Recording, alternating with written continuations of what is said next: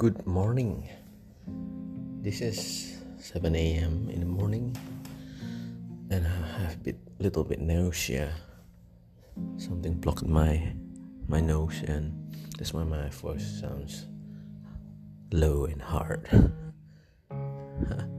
so yeah, today I would like to say uh, and speak to you all about about sin but in the way that we sometimes listen to someone's sins or listen to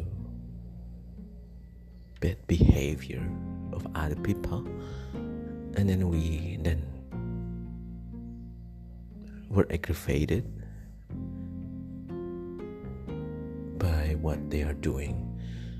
And we can easily join in a join into the party of condemning those people.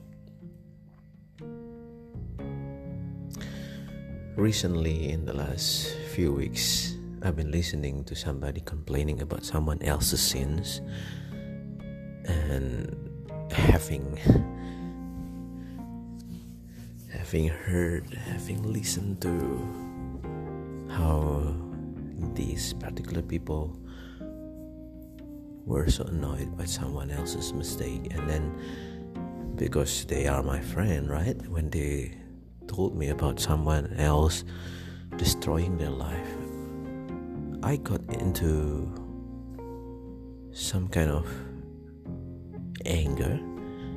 And if not careful i have this con- condemning and judgmental f- feeling toward the person who've been hurting my friends, right? And it will be especially difficult is if we also know getting to know that person who's hating or angry to our friends. Yep, and I've been maybe inadvert and inadvertently involved in into the panel of judge judges condemning those people.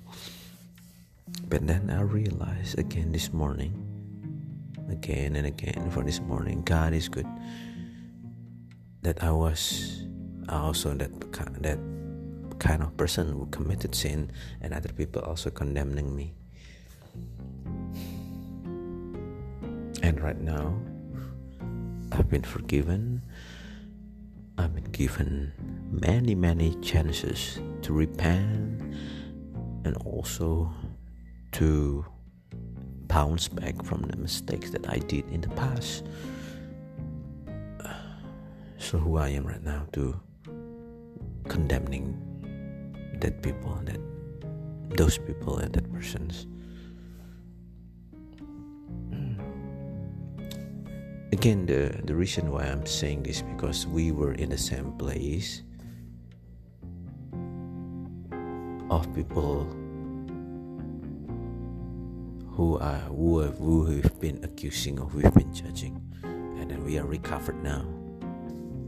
So maybe next time we heard something like that when we easily condemn people we might like to think of who we are right now and who we were at that time when we were so troubled and now we are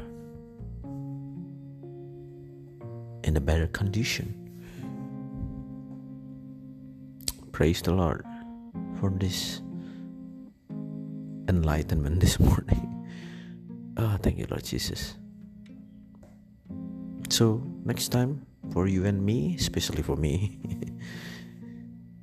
if we ever condemning people by hearing what they're doing, maybe to put into consideration we need to also think about how we were condemned and then we are recovered and we have given time and chances to be better and forgiven. God bless you.